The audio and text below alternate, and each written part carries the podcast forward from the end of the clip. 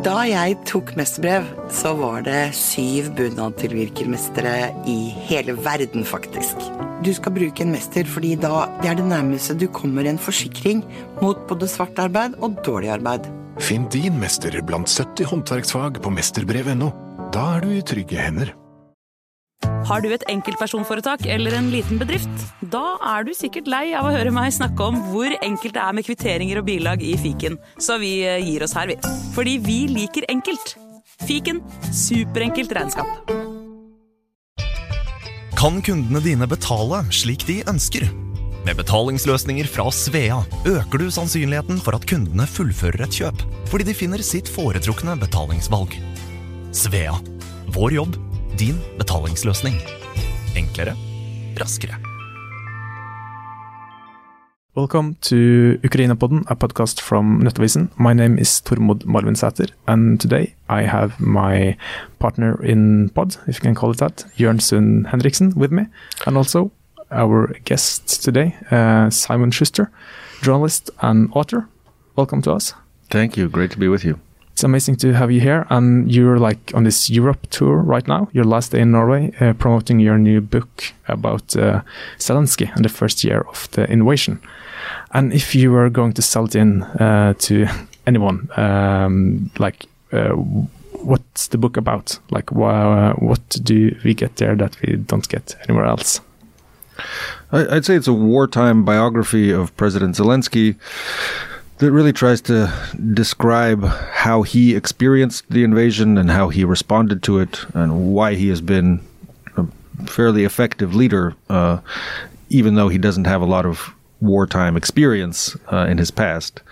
Um, I think what the book does um, that's new is, is it, it takes you inside uh, the presidential compound um, in those early days of the invasion. Uh, and it also takes you back to uh, the early years of his life and his career, where he came from, and how he developed certain personality traits and qualities that have been quite useful to him, uh, perhaps surprisingly useful um, in the war. Yeah, because uh, I think it was really fascinating reading about um, your description of Kryvyi, if I Kryvyi. Kryvyi. Uh, your uh, Ukrainian and Russian is much better than mine, uh, but uh, how that was a quite rough place to grow up, and that kind of shaped Zelensky, didn't it? Or It did, yeah. It was it was a very rough working class place. It had serious crime problems with uh, street gangs uh, in the 1980s and, and 90s uh, when Zelensky was growing up there. Um, he managed to avoid the the criminal uh, underbelly of uh, Kryvyi Rih, uh, largely thanks to his family. Um, his his grandfather was a, a senior police official in the city, uh, but also because he very early in his life became interested in comedy, uh, in performing comedy. Um, this particular kind of comedy that that uh, emerged in the Soviet Union, um, it's comedy done not really as stand up but as a team of comedians um, performing uh, for an audience and a group of judges. Uh, and it's a kind of comedy competition. So you have different teams performing on the same stage, and the judges decide who is the funniest at the end of the show. Um, so uh, I think this brought out his competitive nature, uh, and it also made him comfortable uh, in front of a massive audience. Um, I think it also uh, made him uh, appreciate and and need the affirmation and support of an audience uh, to to make people laugh, to make people love him, uh, to make people enjoy themselves uh, in- as as he stood on the stage. Uh, and this is something that that he really pursued for his entire career before he went into politics. Yeah, and that's quite a big contrast. Uh, like being a comedian, being addicted to the applause and uh, making people laugh. That's not what you get when you're a president. Uh, how was that change for him? You think? Yeah, I tried to explain this to him when we first met. Uh, we met when he was running for president. This was March 2019. Um, he was a few months into his campaign, uh, and I met him uh, backstage of one of his comedy shows in Kiev, and I got to hang out with with him and his his group of friends that performs with him. These other comedians, actors, uh, dancers, singers, um, and it's a very fun group of people. Uh, and after the show, I went backstage uh, to his dressing room to, to talk, to have our first interview. And I told him, you know, if, if you win the presidency, your life will become a lot less fun. Um, are you sure you want to do this? It seems like you're having a very good time here with all your friends surrounding you. Uh, you're a, a movie star. You're adored by your fans.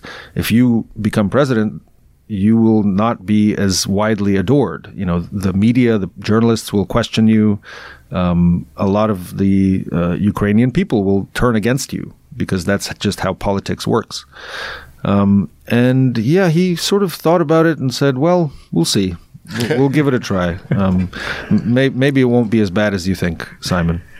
Yeah, and I guess uh, if, if, if there's one country that really has like a tradition for turning against their politicians, it's Ukraine. Like Yeah. uh, Jørn, he knows a lot more about Ukraine than uh, me. But uh, who was the president that got elected, and then when the re-election he got five percent? Yeah, Yushchenko. I, I was there dur- during the Orange Revolution as an election observer, and we were very hopeful that yeah, Ukraine has turned the page and, and stuff. But that quickly went sour, and, and he got five point five something in the in his re-election campaign, Yeah. and Yanukovych came back, and well, I thought that was that. That was putting Ukraine on the path of Belarus.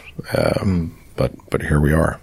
Yeah, I, I- I'd say Ukraine has a long tradition of um, skepticism and dismissiveness toward authority. Generally, in in in some sense, um, that is one difference between uh, the national identity of Ukrainians and Russians. Rus- Russians generally have a, a much more kind of obedient attitude toward their leaders, um, whereas Ukrainians just uh, en- always enjoy making fun of uh, or ridiculing um, and cutting down people who try to lead them.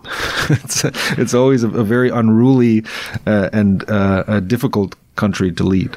But but their experience sort of warrants that because they're since well they have the history of the Soviet Union, but but also since independence, most of their presidents has not been really like liberal Democrats.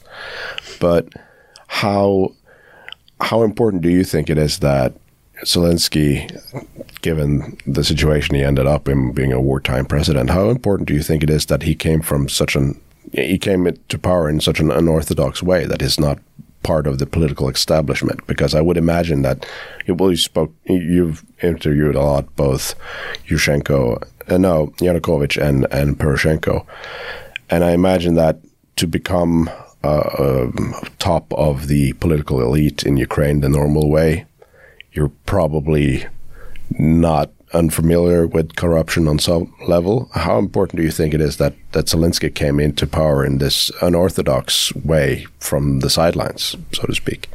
That was really central to his political campaign. He uh, presented himself as an outsider to politics. He, was very much an outsider to politics. He had spent his career making fun of politicians. So I think uh, at that time in particular, um, Ukrainians were very frustrated with the political clans that had ruled the country since its independence um, in 1991. Uh, Ukrainians, many of them had the feeling that these these political clans, these oligarchs, would basically change uh, positions in power, but very little would change in the country. They would take turns ruling. They would steal a lot of the country's resources, uh, and then the next clan would come to power, and, and so on. This this was kind of a, a typical viewpoint, and it's one that Zelensky really shared. Uh, and what he proposed, what he believed he could do, is come in as an outsider and kick out these old political clans and try to breathe new life, uh, breathe uh, fresh air into the political system um, and really kind of destroy or uh, certainly renew that system.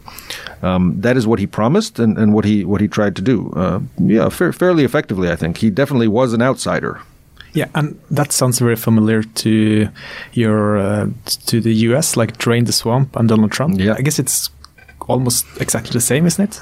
In that sense, I think so. I think that that is a fair uh, comparison between Zelensky and Trump. They they both had this idea of coming in as outsiders, uh, anti-establishment uh, politicians, in some ways populists, um, and promising to kick out the political elites.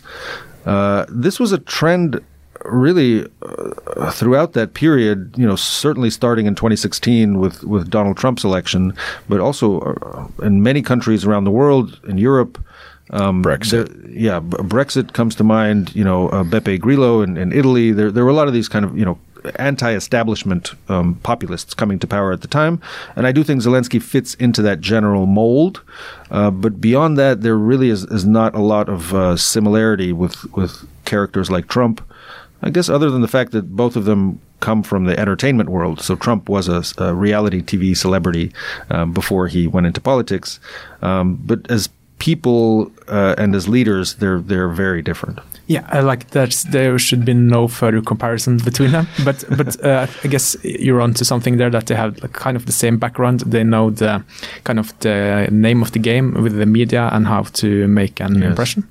Uh, yeah, yeah, they're masters of social media and and uh, keeping the attention of of their audience of the world. Yeah. Yeah, and how im- uh, how important has that been for uh, Ukraine uh, after full-scale invasion? Because I think uh, we, we've all seen Zelensky in countless speeches, videos everywhere, and he's constantly able to um, make an impression on anyone.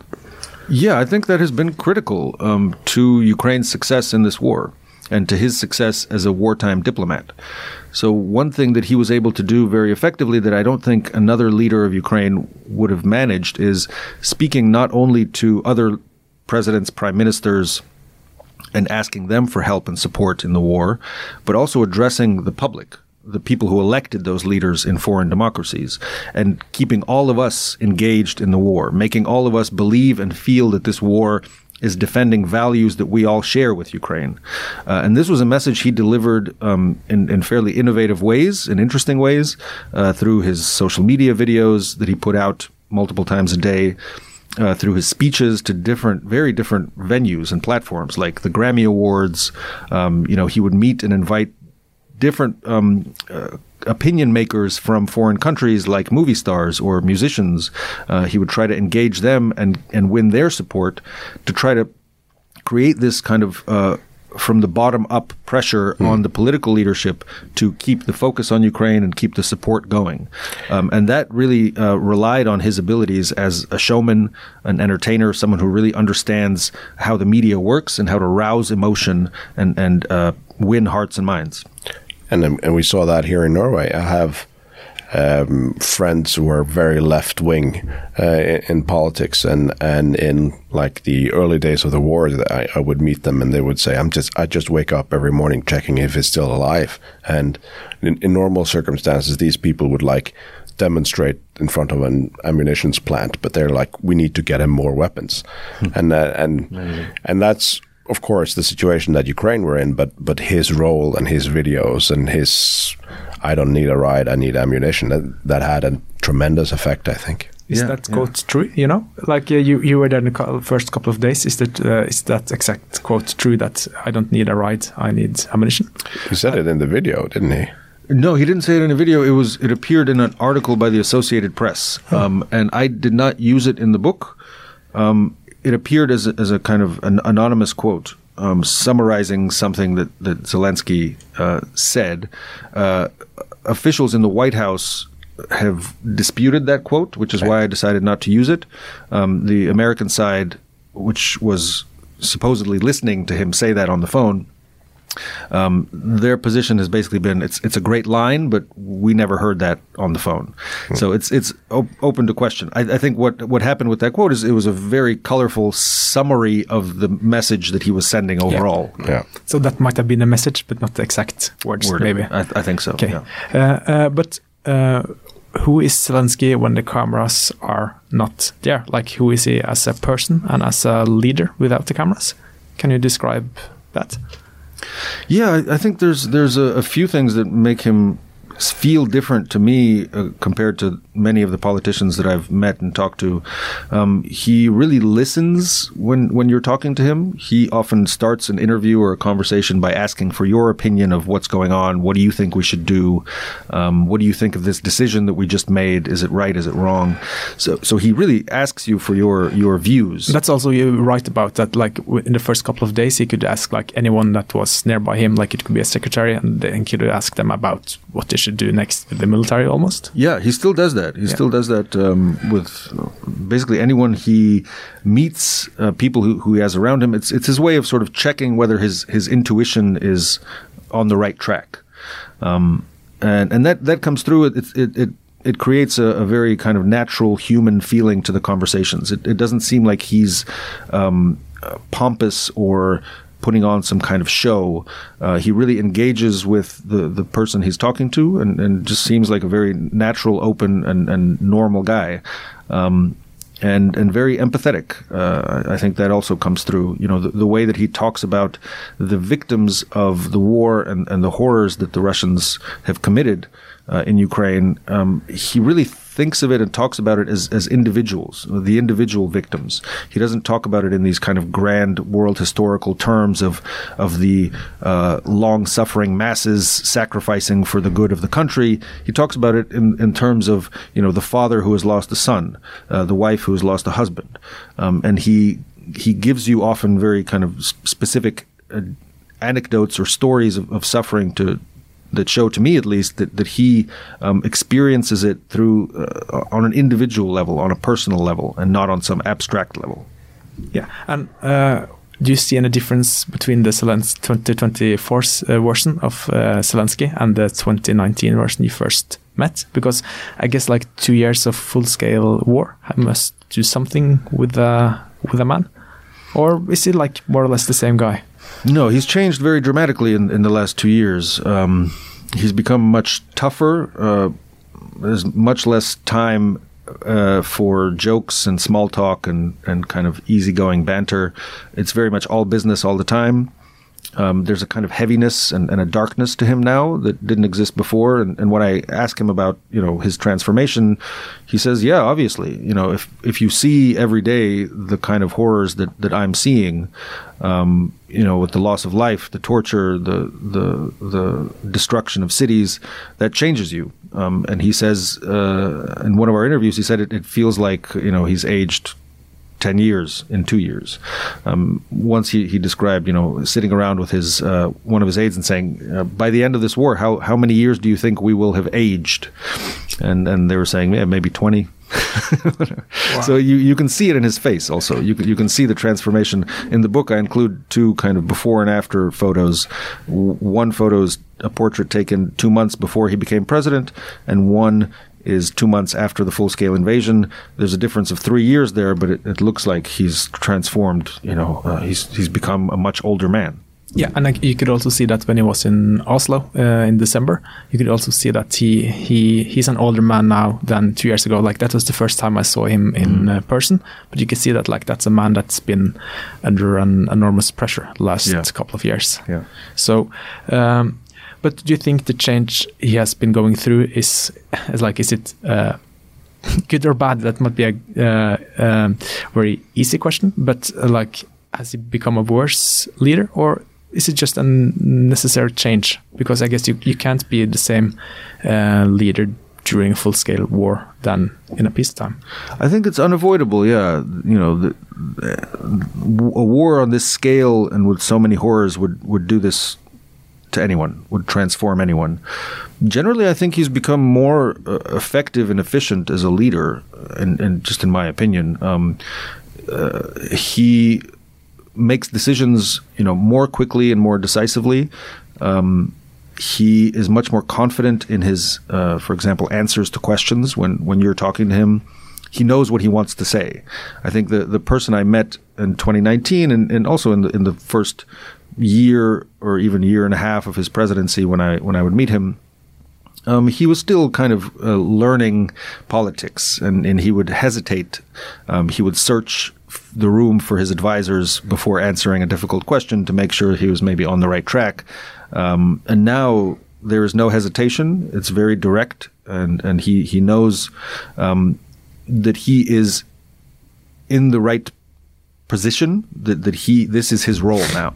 Um, there, there's no uh, questioning or hesitation in, in his uh, leadership decisions and, and his behavior as a leader. Yeah, and we also we recently see, uh, seen Zelensky uh, do some kind of hard decisions when he sacked uh, General Zaluzhny, and that's also something you write about in the book, like the difficult uh, relationship between Zelensky and Zaluzhny, because that did not start uh, recently. That's been going on for a while, hasn't it? Yeah. Um, so the, the book really focuses a lot on that relationship because it tells you a lot about how Zelensky has transformed. Early in the invasion, he really let the generals do the fighting, and he didn't interfere in their decisions. Um, you know, he would ask them, "What support do you need? How can I help you?" But he left the strategic military decisions to them.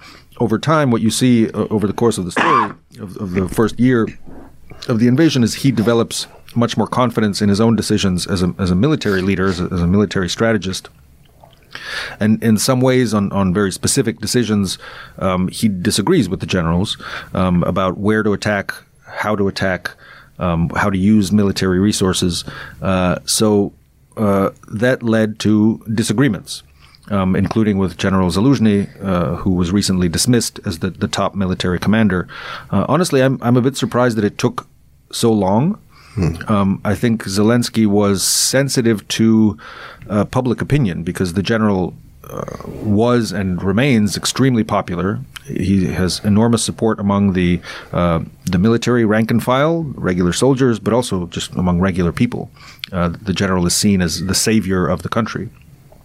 So I think Zelensky was was quite sensitive to that and and waited quite a long time before dismissing him, but ultimately it became too distracting and difficult to have uh, the two most powerful men in the country clashing and disagreeing behind the scenes for so long.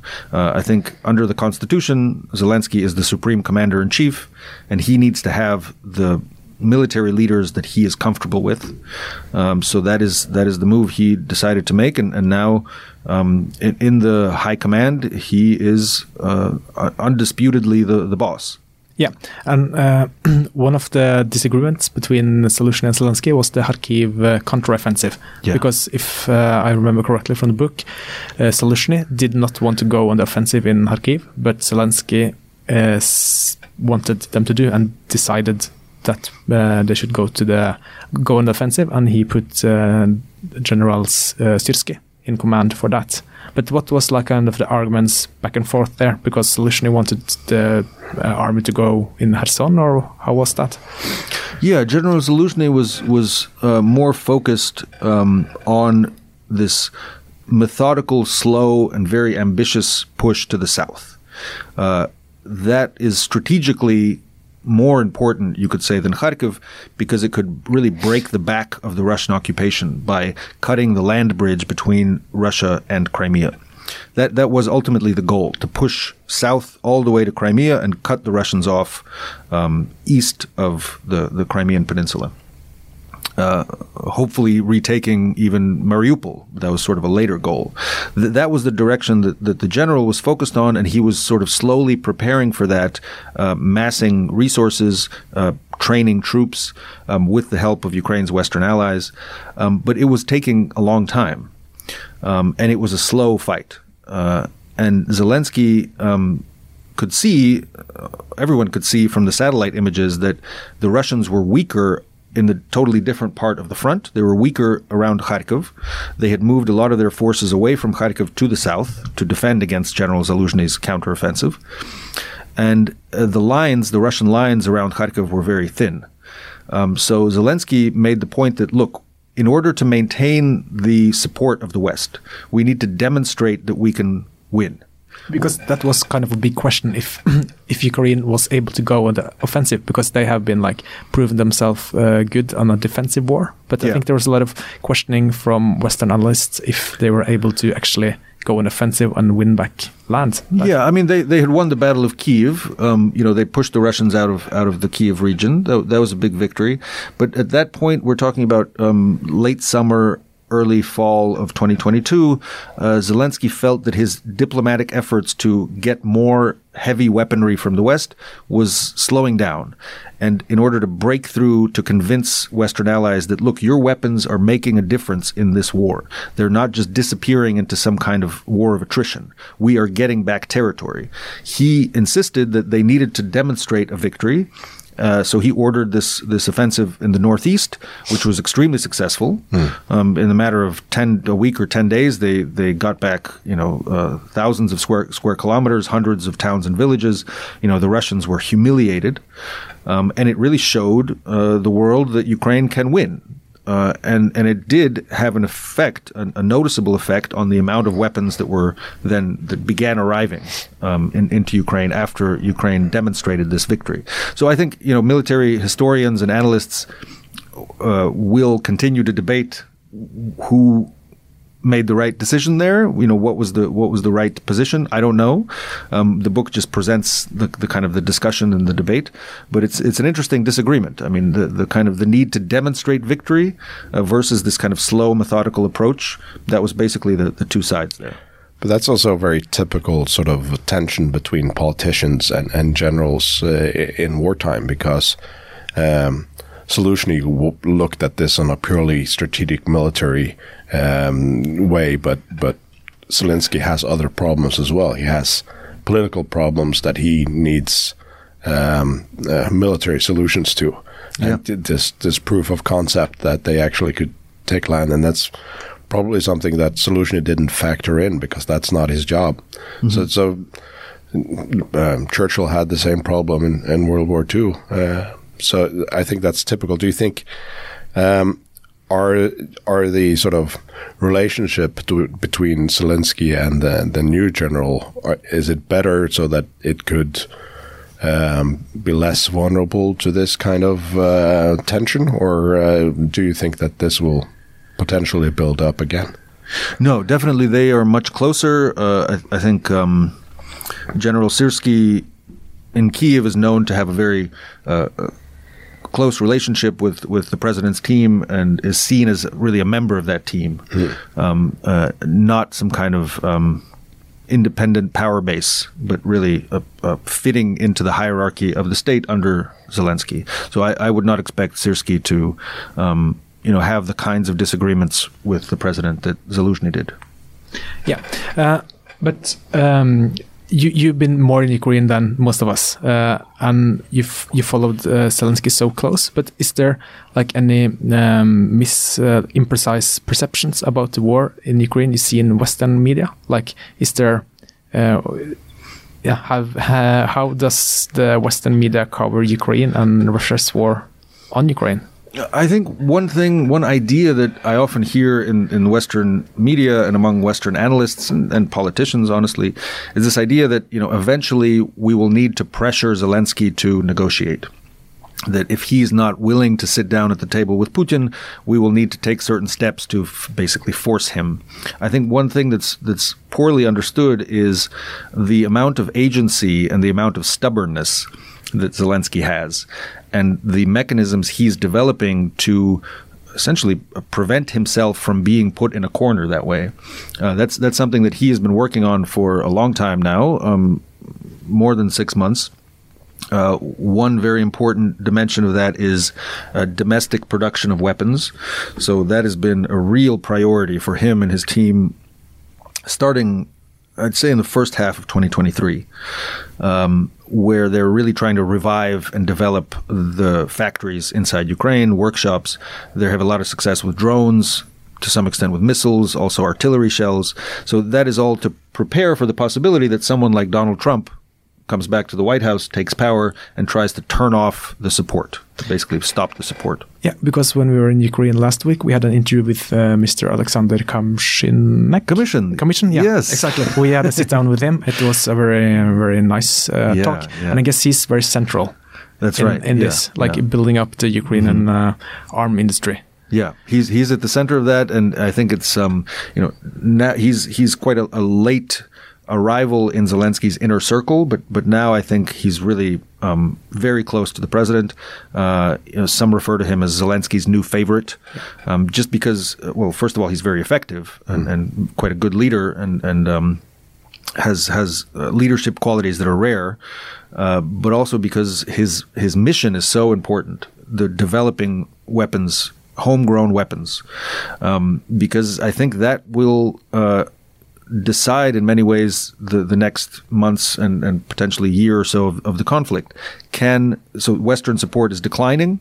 If it continues to decline, can Ukraine develop enough of its own military industry to, to make up for that? Kamyshin says honestly, we will never be self-reliant. That's just not realistic. We always will need Western support, um, financial support, military technology.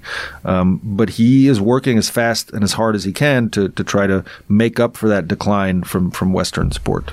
Yeah, and something he told us, which I think was very interesting, is that now they have the pr- capacity to pr- produce more weapon, but they lack the funding. So like they have they have like the everything they need except from the money, and it's. Um, it still uh, means that they can't produce as much as they could, but it means that they're like on the way to something. Yeah, yeah. I, I think they're they're counting on the European funds to to help a lot with that. Honestly, when I when I talk to the Ukrainian side, um, they are optimistic that the Americans will also come through. Maybe that's naive. I don't know. I'm I'm not really an expert in, in American politics at all, but uh, they seem to believe that helping Ukraine for the Americans is such such an obvious uh, national security interest that the Americans will eventually resolve their uh, internal political fights and come through. I don't know. Even though you're not an expert on American politics, you're the only American in this room. So, what's your uh, take on the situation there? Like, uh, they're still debating, uh, and uh, there's, it doesn't seem like it's going to pass in, like it's not going to even be voted on in Congress for the next, like, foreseeable future. There's a lot of pressure on the the Speaker of the House, uh, Johnson, um, Mike Johnson, uh, to put this to a vote. Uh, now, and th- this is, if you look back even a few months, uh, this is a much better situation for Ukraine than it was. Uh, so now everyone acknowledges that if the Congress votes, Ukraine will get the support. So now Johnson is in this very uncomfortable position where he basically is blocking the vote. Right, blocking the will of the Congress, and I don't know how how long politically he can sustain that. Um, he is clearly uh, afraid of, of Trump's supporters inside the Congress, and he's trying to not make them angry because if they want, they can remove him from uh, the speakership. But it's a tough position, and I think uh, over time there is room for, for optimism that, that essentially he will have to put it to a vote, um, and the numbers are very clearly in Ukraine's favor there. Yeah, and uh, I think also also we should talk a little bit about Russia while we have you here. You were born in Russia, right? Yeah, I was born in Moscow. Yeah. Moscow, yeah. Born in Soviet Union is maybe more uh, Yes. more precise back back right. then. Uh, and you also knew uh, Alexei Navalny pretty Yeah, well. You yeah. interviewed him a lot of times, and now Yeah. we uh, last week we got the sad news about his death. Yeah. And how will the world remember Navalny? You think? Yeah, that that was really a tough piece of news for me. I mean, his his legacy is is pretty clear. He he's the one who uh, showed Russians not to be afraid. He showed them the means and the mechanisms of uh, taking action as citizens to influence their government. He was really uh, an activist against passiveness, uh, sort of uh, this this idea that's very common in Russia that, well, the the leadership in the Kremlin is like the weather. We can't control it. There's nothing we can do to influence them. And he really showed a whole generation of Russians that that is not true. That the people do have the power, even if there are no democratic, democratic instruments like elections and, and so on in Russia under Putin. There are still ways that we can uh, pressure and influence and change the political system. Um, that is that is a kind of awakening that will continue to reverberate and resound through the years uh, in Russia because once the generation of his peers learned that, um, uh, I think you can't unlearn it. I think they have realized that, that there are ways that you can influence the state. Um, I mean that that's a, a, an optimistic point of view. Right now, things look very dark, especially with uh, Alexei gone. Um, it's not clear who can step up and really play the same role as as a unifying figure, uh, a kind of um, nucleus of hope. Um, you know, when when we would uh, imagine uh, Russia after Putin, he represented a kind of the face of a possible future Russia, uh, someone who could, who had the charisma, the political skills, and the support base to potentially step into a leadership vacuum that might emerge after Putin. Um, now, that kind of opposition force has no face. It has no individual to lead it. Uh, maybe someone will emerge, but but that is an enormous loss uh, to the opposition movement. Yeah, and I think also it's almost impossible to find another Navalny like now because he had this um, unique uh, charisma and uh, able like like he was a very good as Zelensky was a very good communicator Yeah. uh, and he also had uh, like he, he talked English which helps it doesn't help inside Russia but I guess it helps a lot outside like to get the attention and get the sympathy from from the rest of the West or Yeah. rest of the world Yeah, I think so. uh, but you yeah, sorry Jørn Yeah, and also the courage. He must have known, like all of us said, that that after they tried to kill him, he still went back to to Russia. He must have known that there was a very high likelihood that he wouldn't survive that. Yeah, I think that's another point of comparison we can make to Zelensky there, that that both of them clearly put their lives on the line Yeah. uh, in in defense of their cause. But do you think his death will have any consequences for Putin and his regime at all? It's hard to say. I mean, history does show that autocratic, uh, totalitarian regimes they can last generations, but they can also collapse very quickly, uh, all of a sudden, with with um, for for reasons that are very unpredictable. And you know, w- when when the people and the system doesn't have a kind of um, a way for the elites or the population to um, express frustration or kind of uh, enact change in, in the system when it's so rigid. Yeah. Uh, it also is quite fragile. So I, I don't know. I, I think um, after 17 years of reporting on Russia and Ukraine, the one thing you learn is don't make bold predictions about the future because history surprises you again and again. None of us predicted Prigozhin's run towards Mos- For Moscow, example, or, right. and none of us predicted that it would stop so suddenly as well. So, Yeah, yeah. So they're, they're, I guess the kind of power that they have is hard but brittle. Yeah, so uh, exactly. it could suddenly break. Yeah, um, uh, we saw that uh, I think Joseph Borrell in like the um, uh, what do you call it? Uh, he's, the, he's one of the leaders in the European Union. Uh, like yeah, the the foreign, policy chief yeah, exactly. of the Thank you. Um, he like suggested that maybe we should rename the Magnitsky Act to the Navalny Act. Uh, I'm not sure how like how serious that was, but if that's the response from the West, I would not say that's a very strong answer. No, that that is very symbolic to to put it mildly. Um, I, I don't know. It's it's a tough position for the the West and, and Western policymakers because they they have used up a lot of their uh, ammunition in terms of sanctions and political pressure. But uh, one thing that has just been a mystery to me is this three hundred billion dollars in uh, Russian uh, frozen Russian state assets, uh, uh, foreign currency, and gold reserves uh, that are in the West belong to Russia. Um, you know, if the West says that we can't afford to help Ukraine anymore, okay, hey, there's this huge pot of Russian money, give it to Ukraine. I mean, that that that is.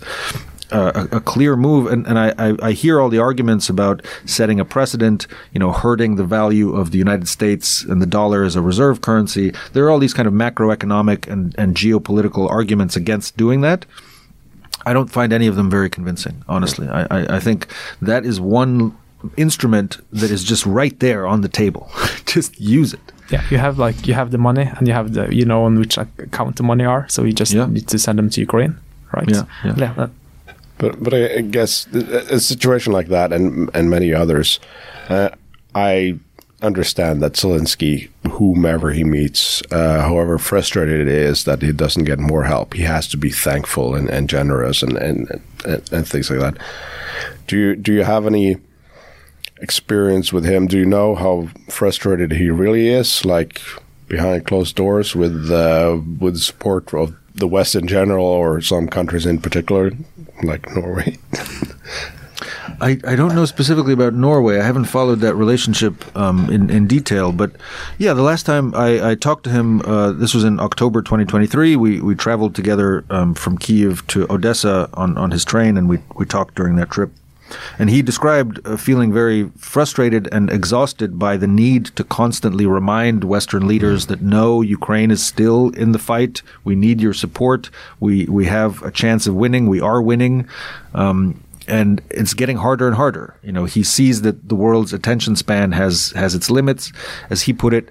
Uh, fatigue uh, or frustration with the war is rolling along like a wave across the United States and Europe, and he feels like it's his job to constantly try to hold it back. Um, but he's working against the clock uh, because eventually, you know, people get get tired. Um, so that that's his his main mission. It's it's I guess a diplomatic mission to to try to constantly remind the world that Ukraine is winning. Ukraine has a chance. There is a way to victory. But the uh, lack of success of the counteroffensive uh, did that also contribute to the um, frustration with uh, General Zaluzhny? Did he want him to take more risks uh, or be more aggressive during that counteroffensive, or is were they sort of aligned uh, through that period? They were they were aligned about the military strategy and, and the importance of that uh, vector, that, that direction. Um, yeah, there there were disagreements, but not really about you know um, the need to push to the south.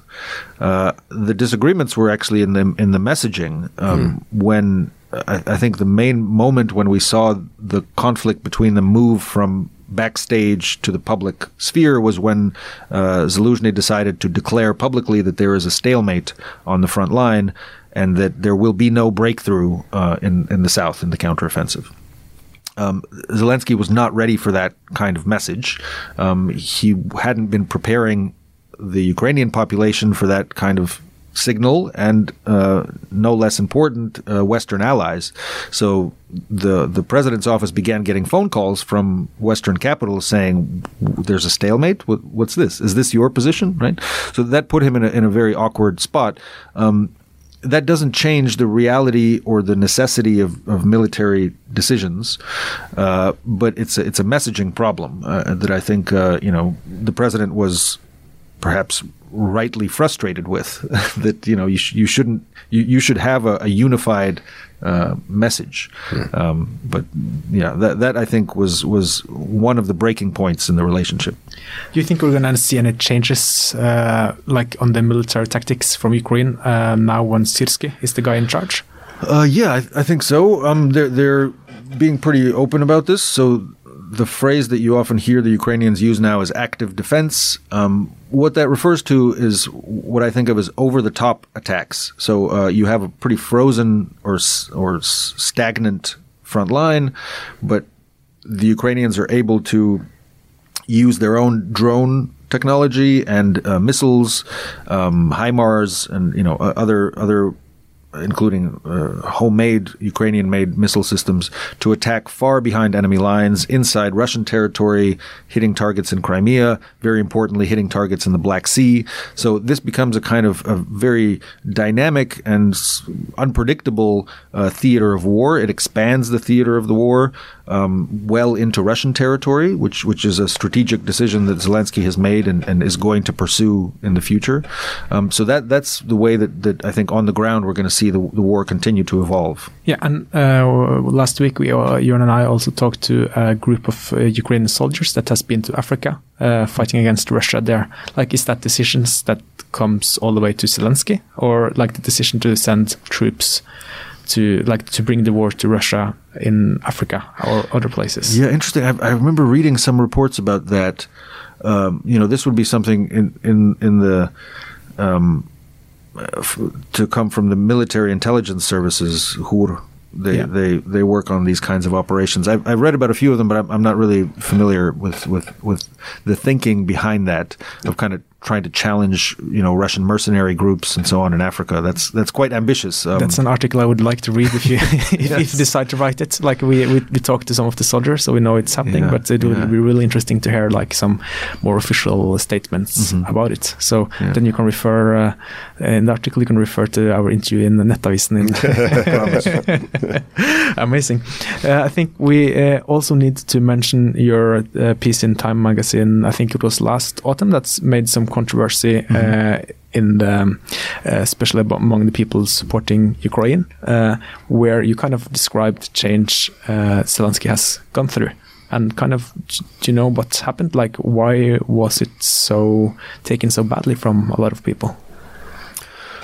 Um, yeah, so the, the article describes a, a much uh, a darker context. I think Zelensky hadn't really changed. He had he had remained uh, in my conversations with him very committed to the to the war and to fighting the war, winning the war, and his message that victory is coming. Um, the the circumstances of the war. This was this was about a month before my reporting for that story was about a month before uh, General Zaluzhny decided to declare a stalemate. But of course, President Zelensky and his team they were hearing this message from the general staff before it became publicly known through the Economist interview. Uh, they were hearing these signals from the military that guys we're, we're not winning. There's a stalemate on the front line. And I happened to be uh, spending a lot of time with uh, the president's team as they were getting these signals, and their mood was affected by it. It was quite dark. Uh, you know, they were telling me um, basically what Zaluzhny later made public. Um, they were telling me in, in conversations that things are not looking good. We're not we're not expecting a breakthrough on the front lines. So we published that story. Um, it was before Z- Zaluzhny made the announcement public about a stalemate, but it, it sort of was was based on the same realities of the front line that the president's team were trying to process and deal with somehow. They couldn't figure out quite how to how to react, how to adjust their message to that new reality on the front lines. So the the the picture that the article paints is, is quite gloomy. You know, it, it's a team of people trying to figure out where to go. They've hit a kind of dead end and they need to adjust their strategy. They need to find a new message. They need to find a new reason to, to, to help people believe in victory, but they were looking for it and they hadn't yet found it. So anyway, um, when that story was published, I, I think um, uh, a, a lot of people in Ukraine read it. Maybe the the people I was talking to in the president's office and the president himself weren't expecting. They, they were expecting when they talked to me, they talked to kind of the American audience, maybe not so much the Ukrainian audience. For the Ukrainian audience, the the picture that that story painted was very different to what they are shown on television. Uh, you know, television in Ukraine is state controlled. Um, it's basically wartime propaganda, and it paints a very optimistic picture of, of the of the wartime realities. And my article was quite in contradiction to that. So it, it led to a lot of questions in Ukraine among society, like what what is this? Yeah, and uh, some of the uh, critics, like when there's like negative or call it negative articles about Ukraine, uh, and some uh, some uh, critics says that it's so typical that uh, a Russian guy writes about Ukraine uh, and then he writes something negative. Uh, how do you answer to that? Because like, yeah, that's an interesting.